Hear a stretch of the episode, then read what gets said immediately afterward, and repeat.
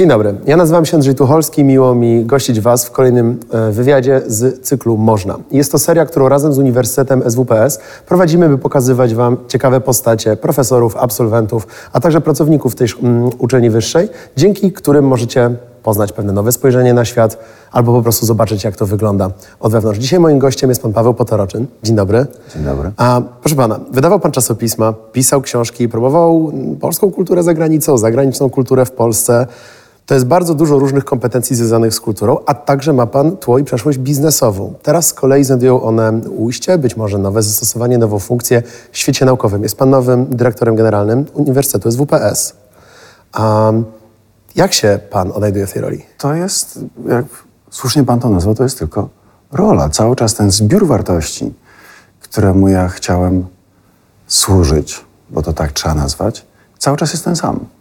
E, myślę, że lata temu, kiedy byłem w pańskim wieku, no, byłem przedsiębiorcą i któregoś dnia, ale dosłownie któregoś dnia, myślę, że ta refleksja zjęła najwyżej kwadrans uznałem, że robiłem gówniane rzeczy za wielkie pieniądze, a potem uznałem, że będę robił wielkie rzeczy za mniejsze pieniądze. I myślę, że to była najmądrzejsza decyzja w życiu i zawodowa, i osobista, i powiedziałbym poznawcza. No, wolałem duże i ciekawe projekty niż tylko bez przerwy tłoczyć to samo. I co oczywiście oznacza pewne, pewien rozwój e, e, jako, jako menedżera, rozwój kompetencji zarządczych, ponieważ te dwie sfery, kultura i edukacja, no, wymagają trochę innego, trochę innego przygotowania, a nawet powiedziałbym, nie wiem czy przygotowania, ale trochę innej postawy.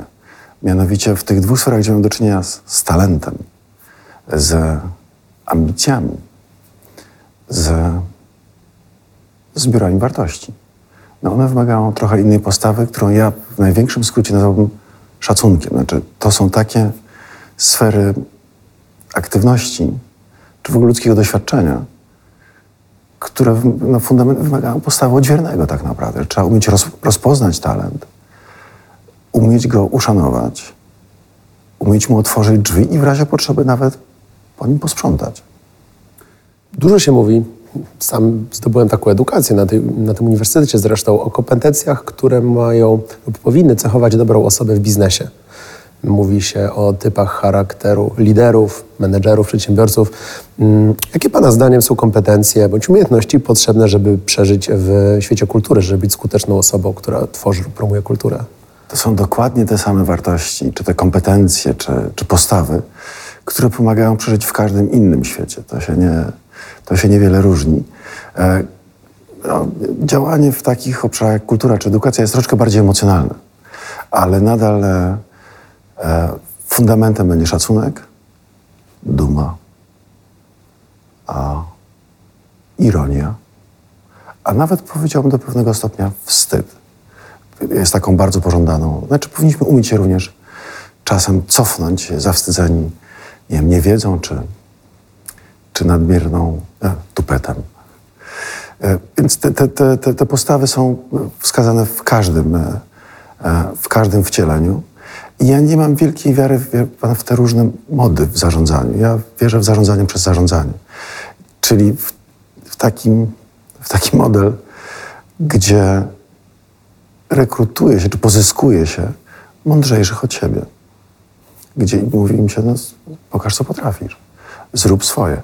I ten samo słowo lider dzisiaj z, prawdopodobnie zbyt wielu e, uczestnikom gry rynkowej wydaje się, że e, kwalifikacje liderskie, przywódcze załatwią sprawę, ale za tym jeszcze powinna iść taka znojna, mozolna, spokojna, wytężona praca, bo dopiero ona czyni lidera, a nie a nie wizję. Przy czym ja oczywiście nie zniechęcam do wizji, ja zachęcam do wizji.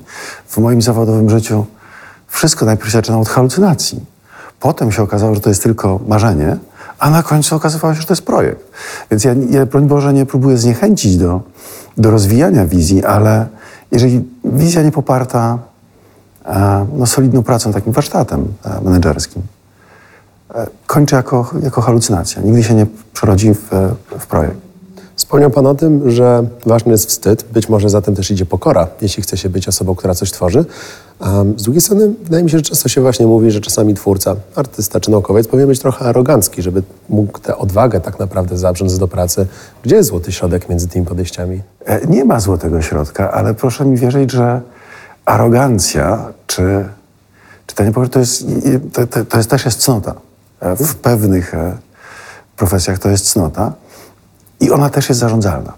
Znaczy nie z tej menedżerskiej strony, tylko przez samych e, twórców czy, czy uczonych. Wie- Wielu z nich potrafi, doskonale wie, gdzie, kiedy i ile tej poczucia własnej wartości zaaplikować czy zakomunikować. I przesada w żadną ze stron czasami może być wskazana, ale co do zasady nie jest jakby zdrowa uniwersalnie. Wie pan, upór to też jest e, cnota, to też jest, e, to też jest wartość. Jeżeli spojrzymy na historię wynalazków czy innowacji społecznych, wiele z nich nigdy by nie miało miejsca, gdyby nie no, upór, zwykły upór ich, e, ich autorów. Więc przesada. Nikt nie lubi przesady. Nikt nie lubi uporu, ale pewna doza tego jest nieodzowna w osiąganiu celów. Zresztą to czyni, to właśnie dopiero to konstytuuje lidera, że on wie, kiedy przegina. Z uporem, czy, czy jest nadekspresyjny, czy, czy, czy maniakalny. To, to, to świadomy e, lider zdaje sobie z tego sprawę, gdzie jest ta granica. Zainteresowało mnie um, takie stwierdzenie zarządzanie przez zarządzanie. Aż przypomniał mi się cytat, który bodajże w trakcie studiów poznałem, mianowicie zarządzać można tym, co można zmierzyć, co jest mierzalne. I w świecie biznesu mierzenie skuteczności jest dosyć proste. Są od tego liczby. W świecie kultury jest, w mojej opinii, o wiele trudniej. Ciężko porównać dwie książki czy dwa wiersze. Jakby metryki są trochę bardziej um, nierówne bądź wręcz dyskusyjne. Jak Pana zdaniem to wygląda? Jak się ma do tego świat nauki? A zacytuję pewnego genialnego skrzypka, któremu nie chciało się ćwiczyć i z lenistwa został Albertem Einsteinem, który powiedział, nie wszystko, co da się policzyć, się liczy, nie wszystko, co się liczy, da się policzyć. To jest bardzo ważna maksyma wtedy, kiedy ma obcuję właśnie z talentem. E, chciałem też zwrócić Pana uwagę na pewien proces, który się dokonywał przez ostatnie 30, może 40 lat. Mianowicie przemysłu kultury, do których ja też zaliczam edukację. E, to też jest e, część e, przemysłów kultury. Myśmy bardzo skutecznie i w bardzo inteligentny sposób absorbowali protokoły, skrypty, technologie, standardy z biznesu. Myśmy się tego bardzo dobrze nauczyli.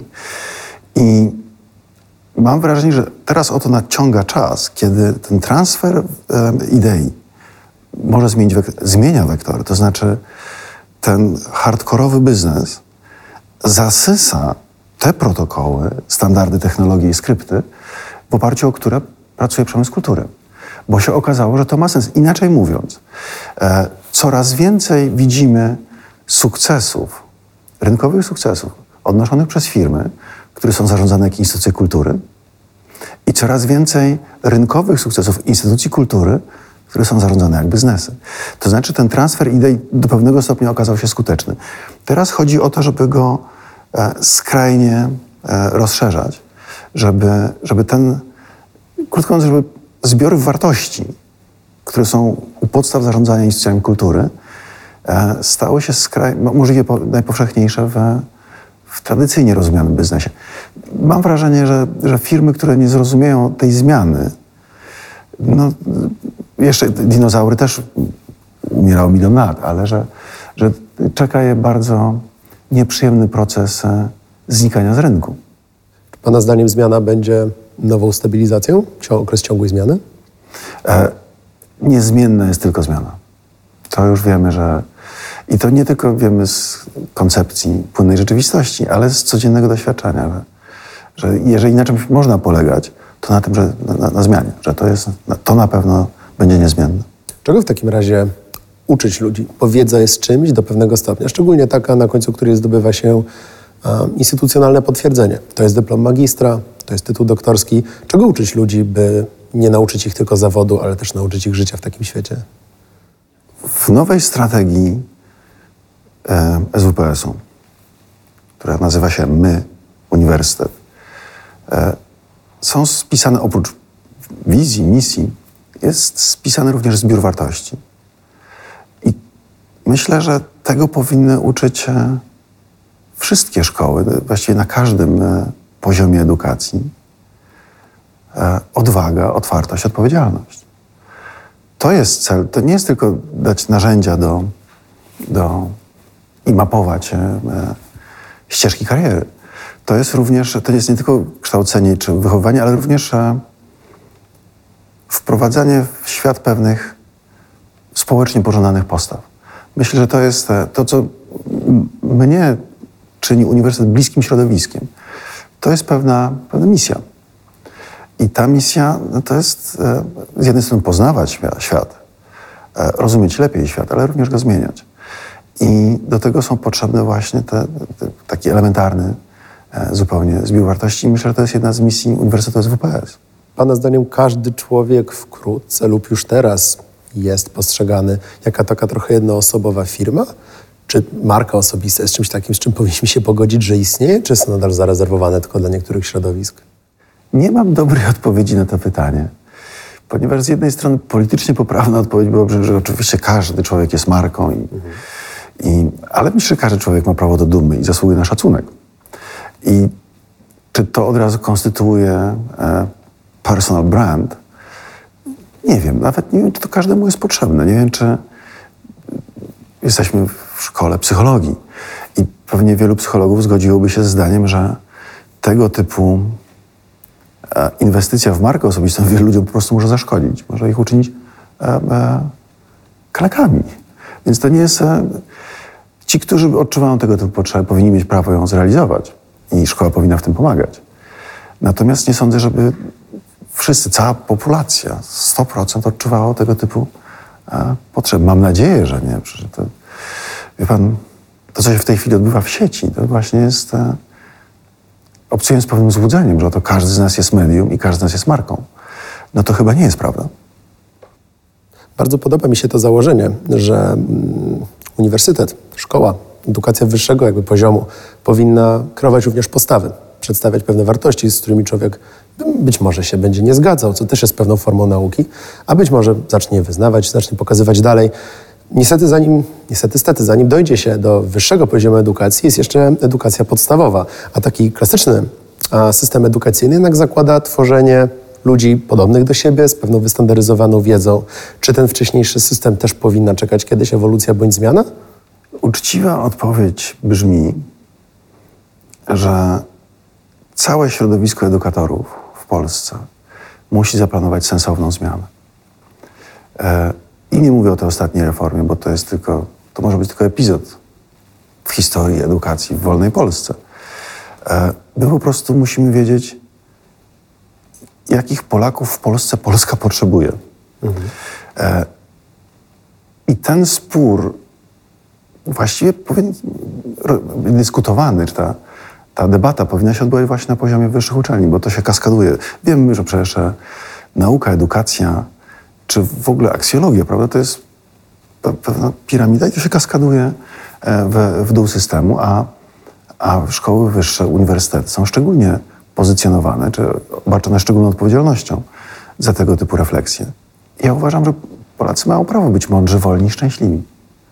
I że mają prawo oczekiwać, że takim zaprojektem edukacji na każdym szczeblu, że będą tego typu, właśnie takimi ludźmi, będą taką postawę e, reprezentowali.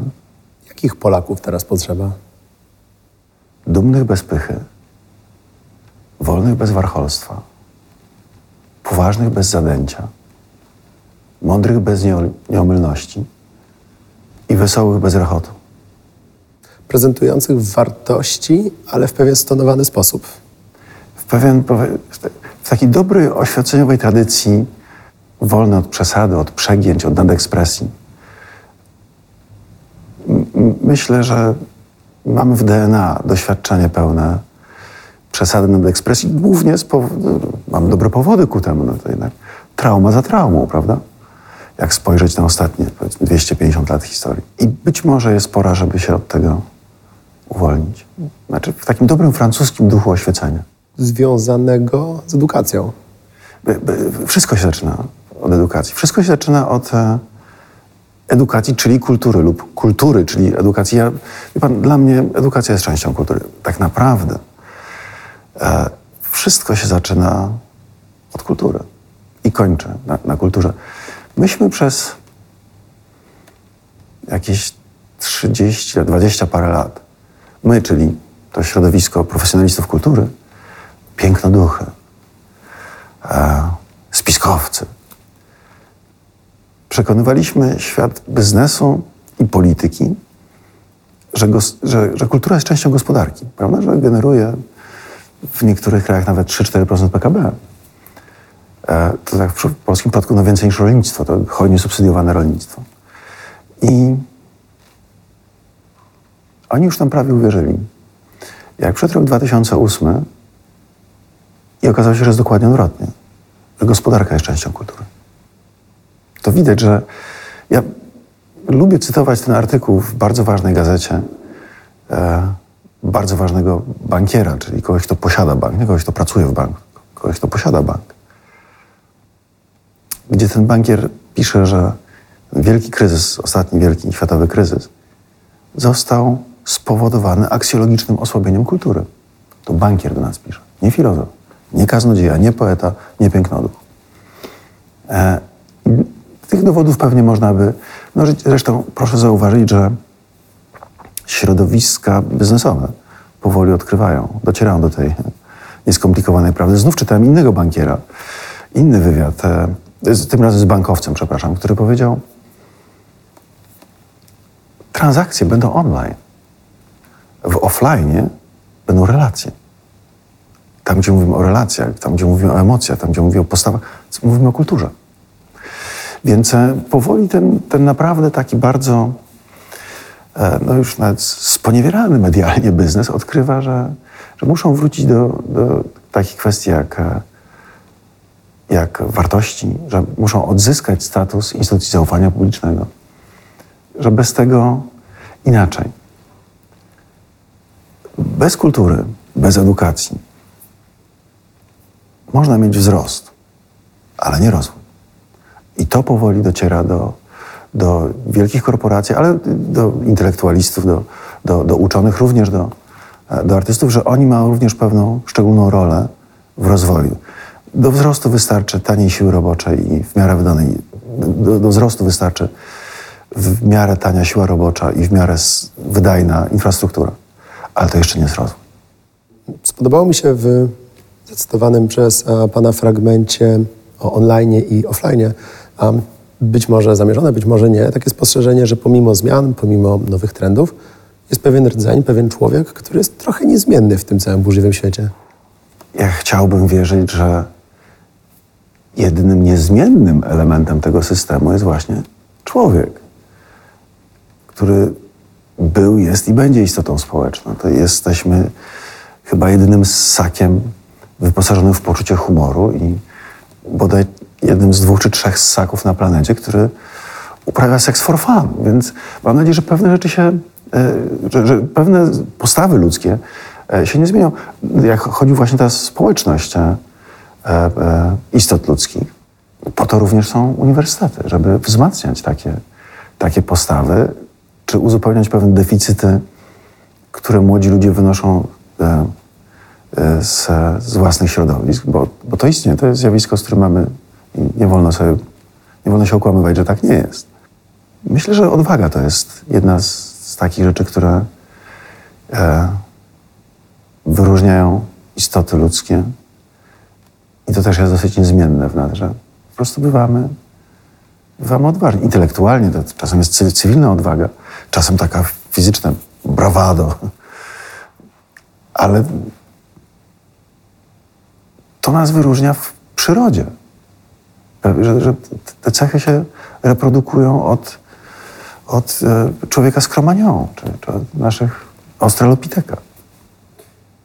Na sam koniec, jeśli mogę, a pytanie, być może prywatne, to zależy od Pana. Jaką radę chciałby Pan przekazać studentom, zakładając, że słuchaliby, akurat by notowali, przykładali uwagę? Co by chciał Pan powiedzieć? No jest dosyć uniwe- uniwersalny e, e, e, katalog zaleceń dla młodych ludzi, dla wszystkich ludzi, to nie tylko dla młodych ludzi, ale jak komuś 10 przykazań za dużo, żeby spamiętać, to niech spamięta te trzy, że nie wolno się bać, nie wolno kłamać i nie wolno się wstydzić uczuć. Szczerość przed sobą, szczerość przed innymi i szczerość znowu przed sobą. Mądre. Dziękuję bardzo za rozmowę. Dzięki.